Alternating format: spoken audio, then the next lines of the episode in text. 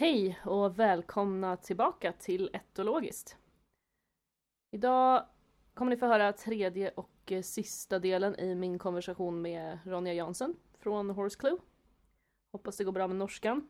Ja, vi fortsätter lite på flockdynamik, vi pr börjar prata lite om det här konceptet med rangordning och ledarskap och dominans. Och försöker reda ut lite var det där kommer ifrån och om man egentligen kan se på det på det sättet med en bestämd rangordning i någon form av hierarki eller inte. Och hur vi ska förhålla oss till det när vi tränar hästarna, hela grejen med det här att man har hört att man ska vara en ledare för sin häst, man måste vara bestämd och kanske till och med våldsam för att hästen ska respektera och se en som en ledare. Det där kommer vi prata lite om och reda ut lite myter och missförstånd och sådär. Så ja, då kör vi!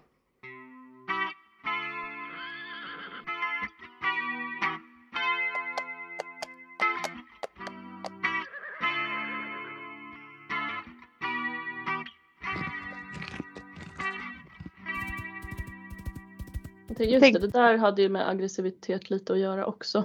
Ja, Eh, nej, men, mer aggressivitet. ja, mer aggressivitet. Nej men lite med, med alla beteenden, eh, så, både så här, prosociala och antisocial behaviors. Mm. Så. Mm. Eh, Men just eh, hingstar hade man tittat på. Den studien är lite gammal, den är från 2001 men Mm. skitsamma, det var en bra studie. Ja. Eh, också lite samma personer, så här, Kristensen, Söndergård och några fler. Mm. Så det är väl återigen SLU och Århus. Så. Ja. Eh, men då har man tittat på tvååriga hingstar just. Mm. Eh, och varför de valde det, det var ju lite så här för typ, hur ferala hästar och Przewalski vildhästar Mm. lever. Att det är ungefär vid två år som de blir bortjagade från haremflocken där hingsten och stona går och så bildar de sina små ungkarlsflockar typ. Mm. Och ibland, ofta brukar det finnas med någon äldre häst, någon äldre hingst som inte riktigt har fått behålla sina ston där också. Så det kan ändå vara lite blandade grupper. Ja. Eh, Men då hade de tagit tvååringar. Mm. Eh, Och här fanns det ju inte den här effekten av, som du sa, att du gärna vill ha, att man gärna har en äldre häst Mm. också. Mm. Eh, För ofta håller man dem ju inte så heller. Ofta kör man ju de här unghästflockarna. Ja, barnhage utan Ja, föräldrar. utan- Precis. Så här hade man haft eh, 19 stycken hingstar Mm. och så delade man upp dem i två grupper. Eh, så det var lite färre, man hade sju stycken ensamma och så hade man 12 stycken som gick två och två. Mm. Eh, för att lite få bort, sen skulle man testa att släppa ut dem i bara två stora flockar då och se vad som Mm. hände. Mm. Eh, så visst, de som hade gått två och två, de hade ju någon de kände Mm. lite mer, men de kände inte alla. Jag tror Nej. det var därför också kanske man valde att ha lite fler. Eh, men de höll så i nio månader eh, och sen, nej tre och tre gick de. Eh, Ja. De som gick eh, i grupp. Ja. Jag sa fel. Ja. Eh, Tre och tre och så var det en gäng som och gick så var det en, alene. ja, precis. Så att det var Mm. box på natten ändå tror jag. Men, och sen var det Mm. de här ensampaddokarna eller tre och tre. Men då Mm. kände de i alla fall inte alla sen. Mm. Så att, eh, men då kollar man först, okej vad händer när vi släpper ut alla Mm. eh, ihop? Och visst, här finns det ju lite den där felkällan av att de andra kände ju ändå varandra tre och tre. Mm. Eh, men det var ju mycket mer frekvens av typ alla beteenden hos de som inte hade. Att det var både mer närhet och mer aggressioner, mer våldsamma beteenden. Mm. Eh, men här var det ju ingen som kände någon. Samtidigt Mm. så var det en mindre grupp. Men ja, när man kollade på det här under sex veckor, hur det utvecklade sig i alla fall. Eh, och det fortsatte att vara så. Mm. Alltså dels att de var kanske lite mindre socialt kompetenta, hade lite mer, mer våldsamma aggressiva interaktioner. Alltså att de Mm. faktiskt bet och sparka medan de andra kanske mer la ett öra eller hotade Mm. eller sådär men att det inte eskalerade. Men Mm. de hade också, fortsatte också ha högre frekvens av sociala beteenden. Ja. Eh, och sen kan man ju fråga sig vad det beror på. Okej, det är en form av typ som makeup sex. Nej, men Mm. att okej, vi bråkade, måste vi bonda. Men Mm. man skulle också kunna fundera på om det är så typ ja, vad man kallar rebound effekt. Att de har haft ett uppdämt behov väldigt länge. Mm. Eh, och att det då blir en högre frekvens än vad det normalt hade varit. För att Mm. de inte har haft tillgång till det. Mm. Eh, det är svårt att veta men Mm. att det verkar i alla fall vara mer funktionellt att bara ha dem. Även om det bara är tre och tre eller två och två. Mm. Mm. för att man inte har tillräckligt med hagar eller vad det nu kan vara Ja, så är de ändå mer kompetenta. Mm. Eh, som sagt, mer våldsamma beteenden på de som var ensamhållna och ja just det, de, det är fortfarande unga hästar. Eh, Mm. tänk, jag tänkte du sa det här med mouth clapping förut när de så här, unghästtuggar eller Ja. vad man nu kallar Ja. det för. Fulltydning Det- kallar vi det. Ja, Ja, det, det gjorde de som var lite mer socialt kompetenta mycket mer också. Ja. Att försöka deeskalera liksom. Ja. Eh, Det är väl fortfarande oklart exakt vad det är de vill säga med det men det är Ja. ju typ nej anfall inte mig, jag är Ja. liten, nu ska vi deeskalera situationen så att det Ja. inte blir något liksom. Det var de mycket bättre på också. ja. Og Eh, det som er litt kult med Jackson, eh, bare sånn eh, liten sånn eh, fakta, eller fun fact om han, det er jo at han gikk jo i familieflokk Mm. han til nesten fram til jul, tror jeg. Mm. Så han gikk jo de første seks månedene så gikk han både med pappa og mamma. Ehm, så han, hadde jo, han har jo hatt hingst i livet sitt Mm. helt, til, eh, helt til jul, da. Og så flytter hun da hingstene sammen, og så går eh, håper med, eh, Fordi at det er veldig mange av følgene som drar rundt jul. Mens han, Jackson ble jo igjen der til han var eh, ni måneder, da. For jeg Mm. ville jo ikke splitte dem så tidlig. Det er også en annen, Ja. en annen episode. Mm.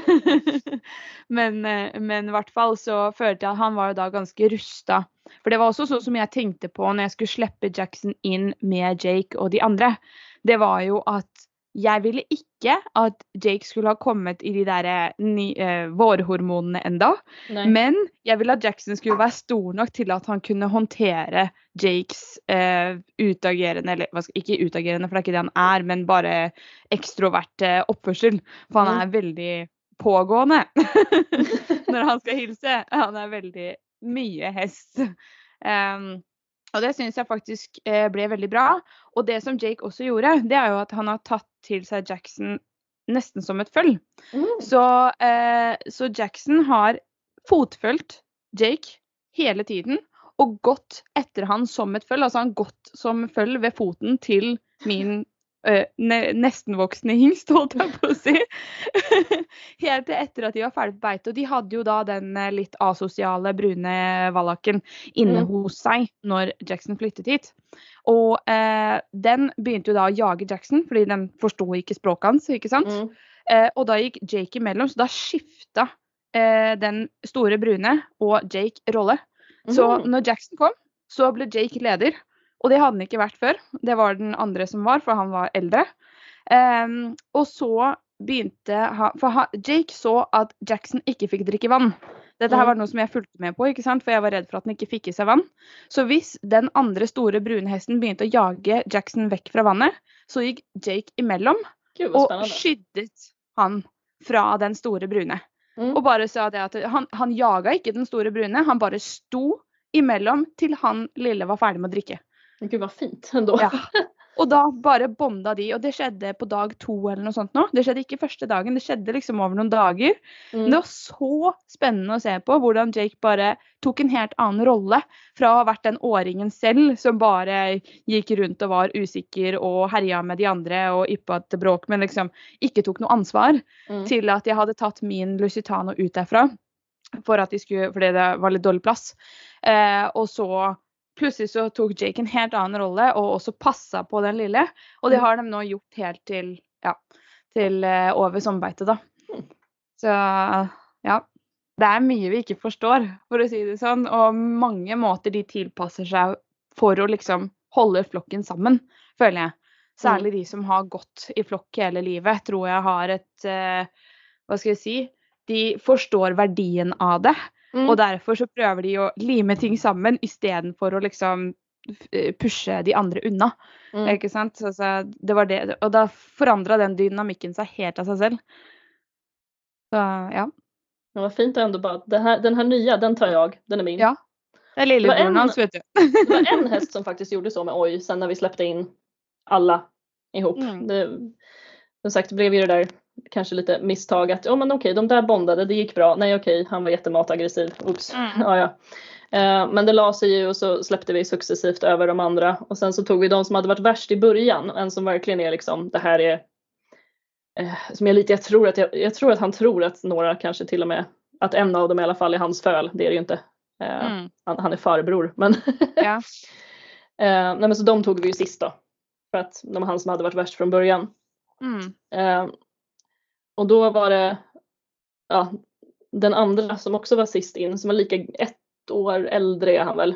Men som också har varit ganska så här unghästig hela livet, väldigt rädd för allting. Bashkirer är generellt inte så rädda men han är jätterädd för allt. Mm. Eh, han bara så här, jaha den här var trevlig. Och så var det på en gång att den här är min. Mm. så.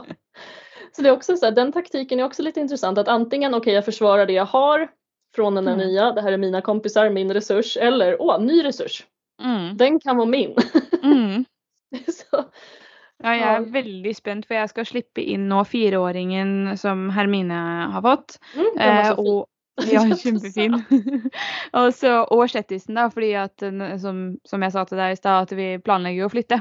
Mm. Så tanken min er å innføre de fire nå sammen før vi flytter, sånn at Mm. de er en flokk før de er på ny usikker plass.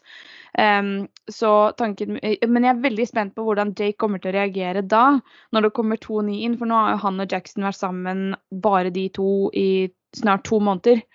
Uh, så da blir det veldig spennende å se om han da føler for å beskytte og forsvare, om det liksom trigger noe. Eller om han bare sier 'å, kult, det var en gjeng med nye, nye venner'. Fordi der er det jo også kjempeforskjell. Jeg har jo den eh, Lusitanoen min, vet du, som jeg sa at Mm. sleit sånn med å ja, eh, være inne etter å ha vært inne i veldig mange år i livet sitt. Eh, han ble jo også veldig veldig flokkavhengig når han først fikk tilgang på en flokk. Mm. Eh, det som jeg har merka med han, er jo at han har ganske vanskeligheter med å skille på lek og aggressiv atferd. Okej. Så han blir litt sånn Han beskytter den som er hans, med en gang. Sånn at han bare går imellom og jager vekk den som prøver å leke eller klø eller hva enn. ikke sant? Eh, og, og forsvarer da den andre. Så jeg har jo hatt et ganske mye problem med det når han har vært sjefen eh, og lederen i flokken til Jake. Det er at han har passa på Jake uansett. Så hvis det da har kommet noen andre inn, em, så har han bare sagt nei, men det, jeg må passe på min flokk. Ikke sant? Og så har han hatt vanskeligheter for å slippe nye inn. Så hvis jeg Mm. har sluppet inn veldig usikre individer, så har det gått bra. Mm. Men hvis är jeg det hot. Liksom. Ja. da går det greit. Men han bruker nesten en uke på å tilvenne seg nye hester. Altså. Så han bruker lang tid på å liksom si at OK, du får lov å være med. Eh, men hvis jeg innfører noen som er litt hva skal jeg si, litt mer sånn som han selv, litt sånn tøffe og bare litt pågående og 'her er jeg', da slåss han. Og da forsvarer han de andre. For han, han, han ser ikke forskjellen. For den ene var jo en unghest, blant annet, en toåring. Og han begynte å, å slåss med en toåring, og han er en ti år gammel hest. Ikke sant? Og det følte jeg det er veldig ulogisk. Fordi den toåringen har egentlig ikke noen hva skal jeg si, sånn sett lederbehov, da. Fordi den var helt ny og usikker i en ny flokk. Men han var Mm. veldig pågående og veldig sånn Altså, han sparket Gladiador når han prøvde å hilse, f.eks., for eksempel, fordi den var usikker, og da forsto Mm. han ikke atferden, og så bare Ja. Sa han 'du skal ut herifra', sa han da. så det gikk ikke. Den hesten måtte reise hjem. Nej, Jag förstår det. ja. Så nei. Det er veldig, veldig mange variasjoner. Men eh, jeg tenker jo at skal man ha hest i flokk, så er det jo bare at man må ha stor nok plass. Mm. Man må ha eh, nok mat, eh, fulle mager. Mm. Ikke prøv... Altså, ja. Eh, og også det med at eh, Jeg syns jo det beste hvis man skal lage en helt ny flokk, er at ingen av dem kjenner hverandre fra før. Mm. Fordi at da må de bare liksom finne ut av det. Eh, Mens hvis du har liksom to som kjenner hverandre, og så er det én som kommer inn, der det, tar det ofte veldig mye lengre tid. Ja. Det er, det er min erfaring, i hvert fall. ja, då finns det ju någon och, ja men det här är vi, ska du in här och liksom, Ja. vad ska du konkurrera? Ja. Så det blir, när vi har dem i fångenskap är det ju konstant en konkurrens. Mm. Eh, alltså jag tror många upp, så här, den här missuppfattningen med ledarskap, bara om vi ska gå in lite på det också. Mm. Eh, det är ju liksom sällan så att det är någon häst, alltså det är en väldigt mänsklig grej egentligen. Mm. Att vilja kontrollera andra och kontrollera vad andra gör. Mm. Det en häst vill kontrollera är ju mer att jag har allting jag behöver, att jag har min trygghet i mina kompisar, att jag har min mat, att jag har mitt utrymme. Mm. Eh, för man har ju sett både på semifångenskap och ferala hästar att det är inte nödvändigtvis den som är starkast i resursförsvar som sen tar liksom ansvar att nu ska vi gå och dricka och nu ska vi göra det här. Utan det är väldigt flytande och sen så har man ju också Mm. sett i, det är också lite samma forskare, slängde in den här också, jag och John har pratat om den fast den episoden är ju borta nu. Mm. Mm. Um, men det är Hartman, Christensen och några fler som just diskuterar det här baserat på olika studier eh, som har kollat på om så här, det här med dominans och ledarskap. Är det Mm. egentligen ett så här, användbart koncept överhuvudtaget mellan människa häst. Och sen beror det ju på hur man definierar det, att man så här, ska vara man är ju onekligen den varelse med högst eh, kognitiv förmåga som ska se till att det här blir en bra interaktion och på det sättet är man ju en ledare. Mm. Eh, men att vara liksom den tryggheten som så här, okej, okay, jag försvarar dig från inkräktare eller Mm. jag tar ansvar för att klia på dig eller så här. Mm. Det är inte ofta det vi ser det som utan men, alltså, vi har ju traditionellt bara sett de här konflikterna som uppstår och tänkt att vi måste gå in och ta den dominanta rollen och Mm. sätta dem på plats liksom. Mm. Eh, och vem fan vill ha en sån ledare? Alltså, Ja men det är akkurat det. Vem vill ha den som chef liksom? Ja. Ja, spännande. Og så Det som jeg syns var skikkelig interessant, som jeg bare kom på når du sa det med at det er flytende med, med lederskap. fordi vi har jo en som er liksom tydelig leder i flokken, eh, som er den blanda flokken, da, som har vært Mm. delvis stabil over veldig mange år. Altså Han som er lederen der, har vært leder der nå i snart ti år. Bolsjer til mamma. Og det som eh, skjedde der nå, det var at eh, For han er definitivt en beskytter. At Mm. hvis eh, Sånn som når Jake kom og plutselig skulle ta hoppen hans over gjerdet når jeg mista han, så istedenfor at han gikk inn og konfronterte Jake, så leda Han gikk imellom, og så flytta han de andre vekk fra gjerdet. Mm. Sånn at det ikke nådde damene hans. Så han tok de med seg over på andre siden av skuret. Så det er jo én ting som er veldig interessant å se selv i fangenskap. At hans rolle er definitivt å passe på. Ja. Ikke sant? Og så er det han som da ser ut som leder, fordi, men han deler maten sin, og han er veldig sånn type leder, at han deler ressurser. Så han Men har egentligen typ så här, jag försvarar gruppen-rollen. Riktig. Sen- sånn at og- han ser ut som den Mm. hingsten da, som folk liksom Som ser folk på som tenker seg. stereotypisk riktig.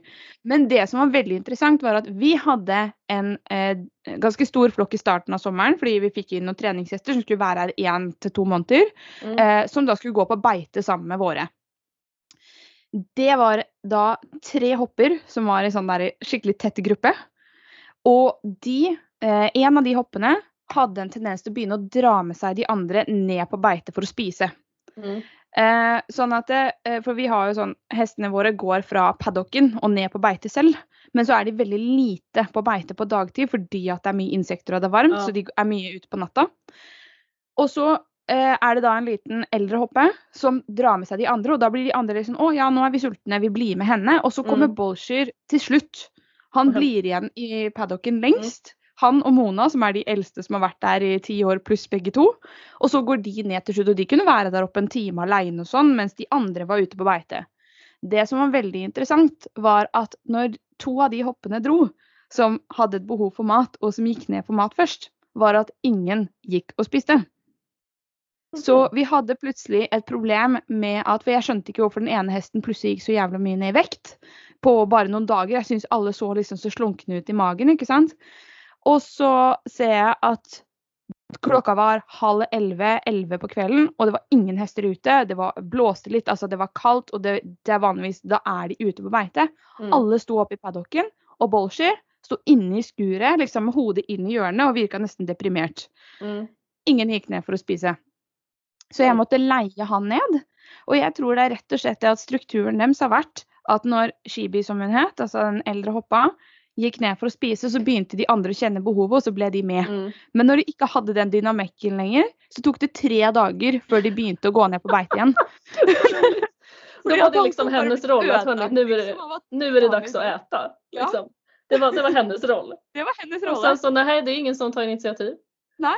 Och där Så blir då- det också jättetydligt att okej, då har Bolsjer rollen att jag försvarar mot andra. Ja. Men det är inte nödvändigtvis jag som tar initiativ till att gå och äta. Nei. Eh, beroende på dynamik kanske det inte är han som heller, som du säger, han delar sin mat. Han försvarar inte sin mat. Någon Nej. annan som kanske är mer mataggressiv kanske till och med kan vara så pass att den får bort honom för att han inte orkar och bara Mm. flyttar på sig. Mm. Eh, så hela det här, så här ledarkonceptet behöver ju verkligen omdefinieras eller verkligen.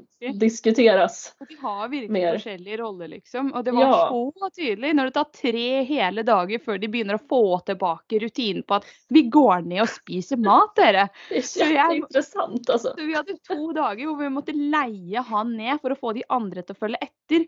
Og da den der store bruden som har litt sånn eh, sosiale issues, Mm. han ble jo heller ikke med. Så han ble stående igjen oppe i skjulet alene.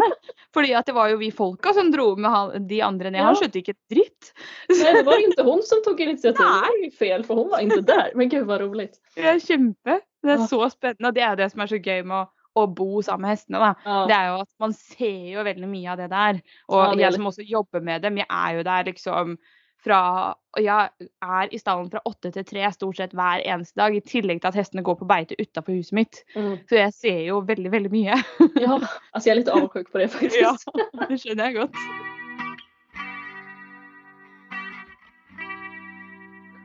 Ja, Nej, men det blir så, man blir så trött också för man orkar ju inte alltid bara så här. Man, man stänger ju bara av lite när det är så här, ja de ska släppa ihop och så måste de ju få göra upp om vem det är som bestämmer. Ja. Nej, det kommer vara någon som vill försvara sina kompisar och tycker att det här är mina kompisar och tycker att du ska dra åt helvete. Nu är det bete Mm. så det är i alla fall inget att försvara mat på det sättet. Ja, Men nej, det handlar inte om att jag ska vara i någon jävla chefsposition eller dominanshierarki. Nej. Det är typ aldrig det det handlar om, varken på häst eller hund. Nei. Jag tycker det är så få studier där som har gjort så jävla mycket skada Mm. för så jävla lång tid framåt. Mm. För hela började ju egentligen med den här studien på varg. Mm. Eh, men han kollade ju på vargar i fångenskap. Mm. Eh, typ, jag tror bara det var hannar dessutom, alltså en väldigt onaturlig grupp. Fångenskap, resursförsvar och såg massa dominansbeteenden och liksom att de hade en Mm. ganska ganska tydlig dominanshierarki. Men det är ju för att det är en suboptimal miljö. Så Mm. hade det inte, och en helt onaturlig grupp, så hade det Mm. ju aldrig sett ut i Nej. det vilda. Nei. Och de tidiga studierna och just att en så här hackordning, att man använder det ordet, det kommer ju från höns i fångenskap där man har kollat Mm. på det där. Eh, och det, ja, ja, hela Sesamiland Ja, ja, ja. Liksom, det, ja, att några så få studier kan göra så mycket Ja. skada fast det liksom ändå har blivit konstaterat sen av sentidare forskare gång på gång att det här är inte applicerbart på grund av det här och det här. Men Ja. det är en sån himla etablerad sanning så att det liksom inte ehm, det är svårt att ta död på liksom. Mm. På. Og det som også er ganske sykt, det er jo sånn som eh, igjen hingster, da. Eh, du husker jo Soffen, han pappaen til Jake. Mm, Han, eh, jeg hadde jo han også i flokk med hingster her. det. Eh, men det som skjedde på våren, det var jo at når han da fikk hopper i nærheten av seg, da begynte han å angripe de andre hingstene. Ikke sant? Og Mm. det er egentlig også ganske naturlig. Men jeg har jo låst dem inne i en paddock sammen. Ja. Ikke sant? Sånn, så det som skjedde med han da hver eneste sommer, var at han kunne ikke gå med noen andre enn lord, han. Den lille ja, just det, den ja. Og det var fordi at eh, han var jo ingen trussel overfor damene. Så, så med en gang det var sommer, så begynte han å angripe paddock-kompisene sine. Fordi han sa at ja, men det her er mine damer. Han var den Mm. eneste voksne hingsten som gikk i avl og visste hvordan dette her fungerte. Så det var tydelig at dette her var hans damer. Og han bare Det var som at bare en rullegardin bare gikk ned. Det svartna for han, og han skulle bare Disse andre hingstene, de skulle vekk. Mm. Vekk fra, fra min eh, paddock eller mitt beite eller hva enn det var, da. Så det eneste han kunne gå med på sommeren, det var jo lord. Så eh, det jeg vet at oppdretteren der har gjort, da, det er jo at hingstene går jo sammen i flokk på vinteren. Eller to og to, eller hva enn hun har plass til, liksom. Og så på våren så skiller hun alle sammen, sånn at de står én og én, så ikke de begynner å slåss med hverandre. Og så går de Mm. med hopper, og så går de sammen igjen ut på høsten når, eh, når hormonene har lagt seg, da. Sånn at hun lager eh, hva skal jeg si, fiktive ungkarsflokker kun på vinteren. Og så sånne, For de, skal jo slåss med hverandre eller ta noen andres hopper, f.eks.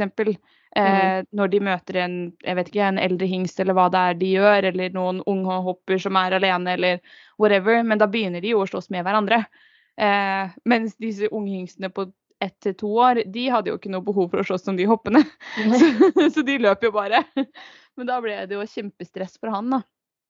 Men eh, det var jo igjen menneskeskapt. Det var jo jeg som hadde låst dem sammen. Så Ja. i den min hjemmelagde flokk, liksom. Så det er sånn som jeg tenker at jeg skal ha i bakhodet etter hvert med Jake også. At enten så må jeg sørge for at hopper er veldig langt unna når våren Ja. kommer. Eller så må jeg rett og slett ha han alene i den ene to-tre månedene når ja. Eller at han skal gå i avl. Altså det er mange måter å løse ting på. Men eh, det kjenner Det vet jeg at jeg må ha i bakhodet for senere. At det er forskjell på årstidene og behovene på årstidene òg. For dem, da.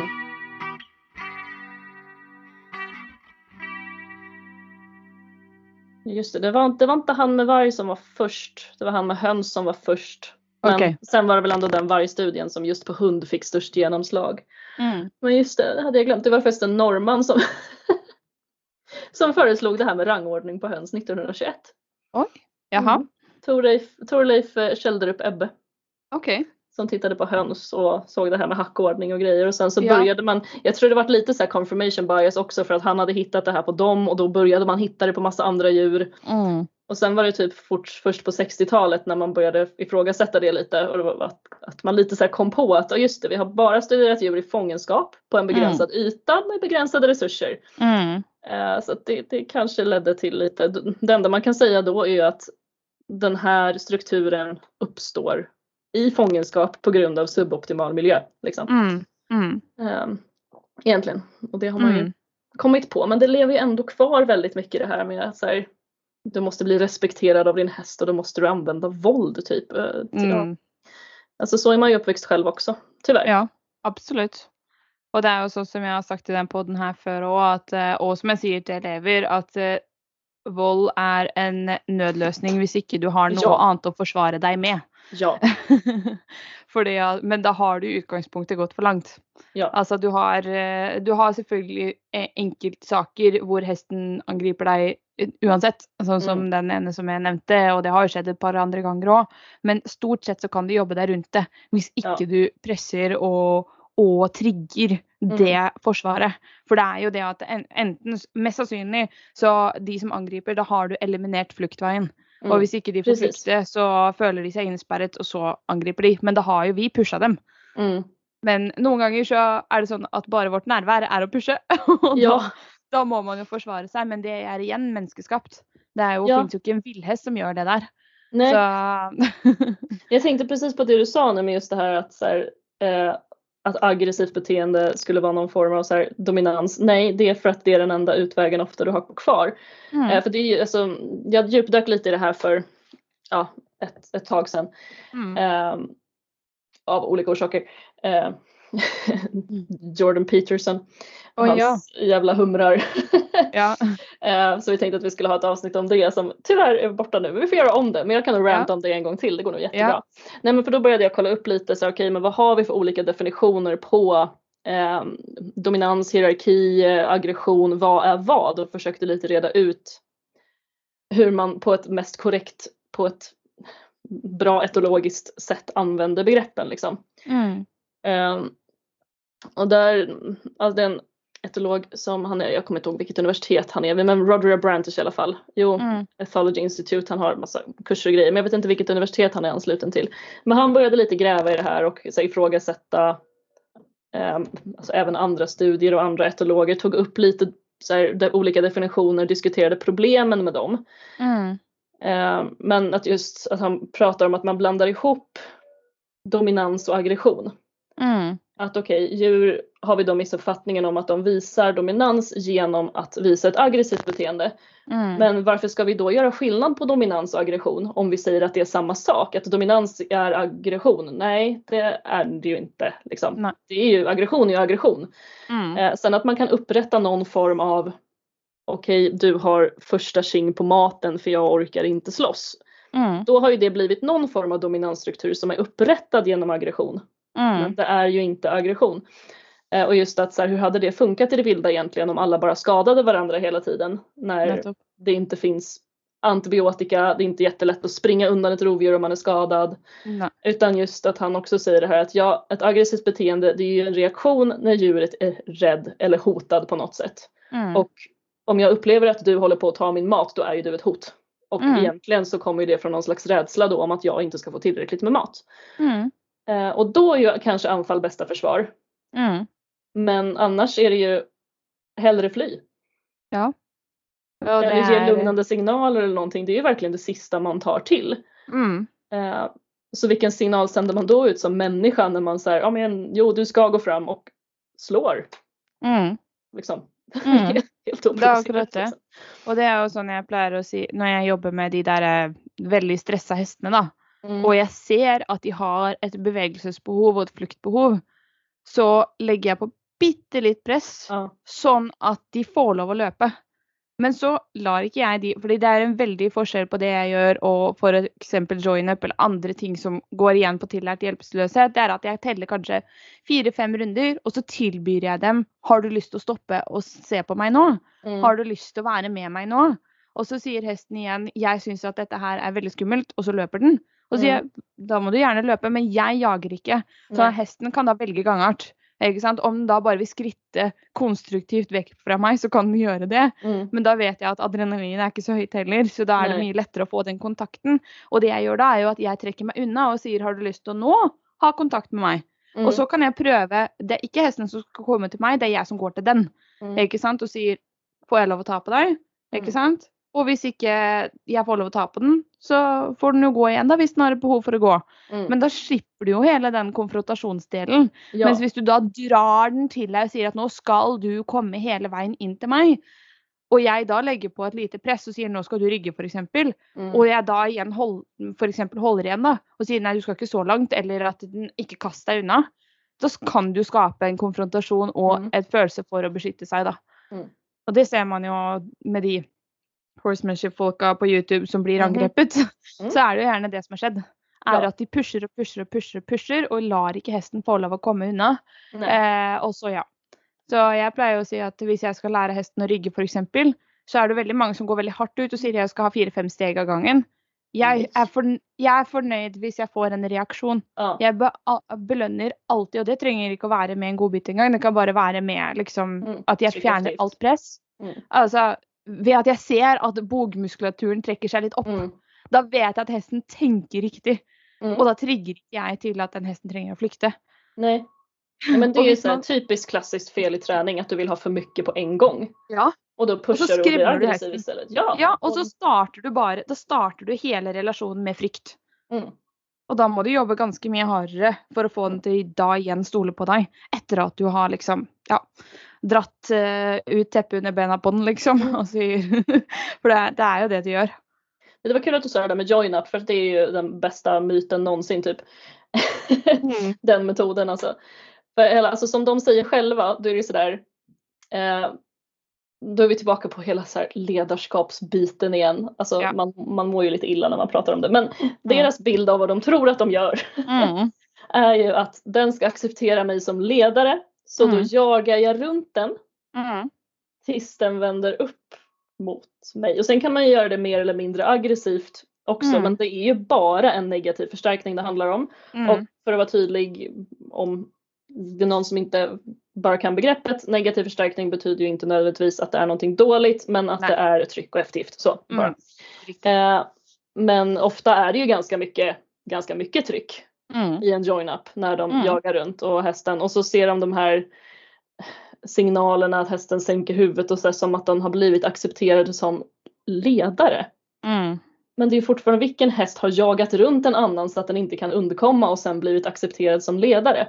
Ja. Eh, men, och där har Mm. väl kanske så här lite ord stått mot ord på något sätt. Men det var en forskargrupp 2012, det här har jag Mm. typ i huvudet. Mm. Eh, det finns ingen publicerad studie om det, men de, eh, eller jag har en liten kort, eh, men de Mm. presenterade det på något sånt här forskarseminarium vad de hade gjort. Eh, så då hade de tagit hästar i en rundkorall, precis som i en join-up, det är ofta Mm. runt så att det inte ska finnas några hörn eller sådär. Mm.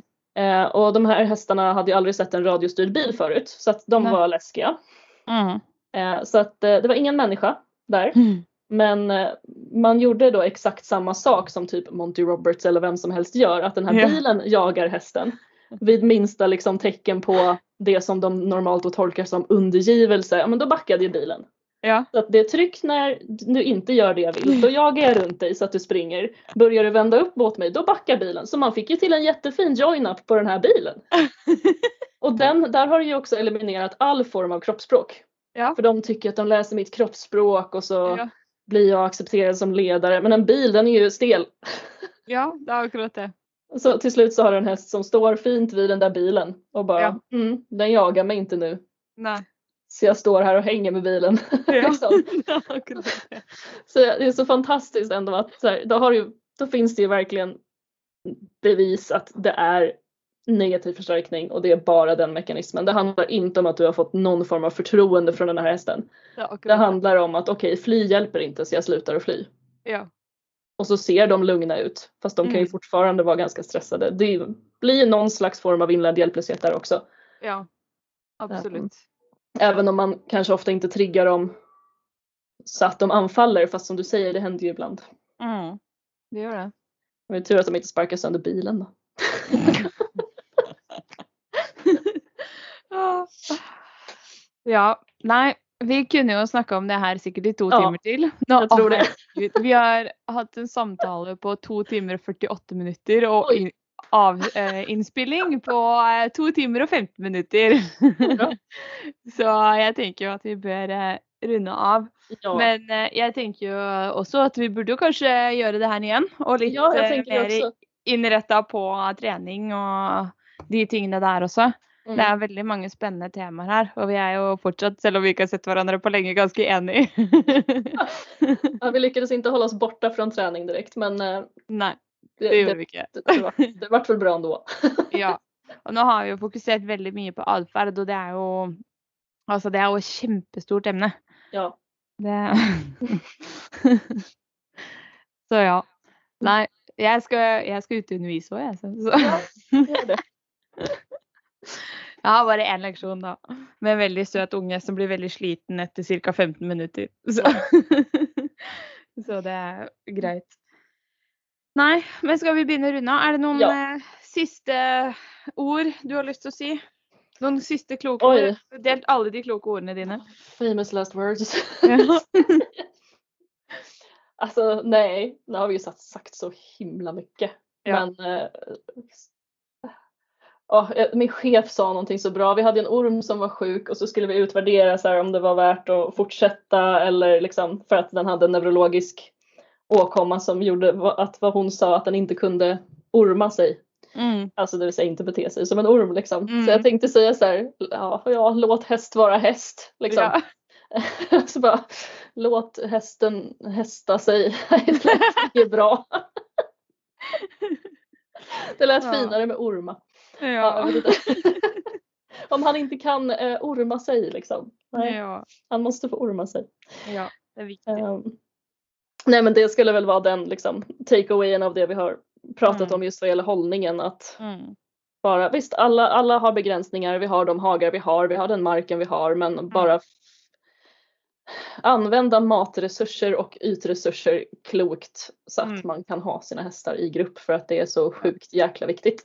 Ja. Och att du aldrig någonsin kan ersätta en häst. Liksom, ett hästsällskap.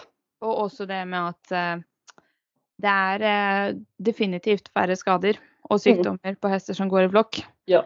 Ehm, det eh, akkurat eh, innkjøringa med hester som ikke er sosiale, som er vanskelig. Mm. Kan være hvis det er for lite plass og for lite ressurser Mm. på generell basis. Men eh, det kan man stort sett gjøre noe med. Mm.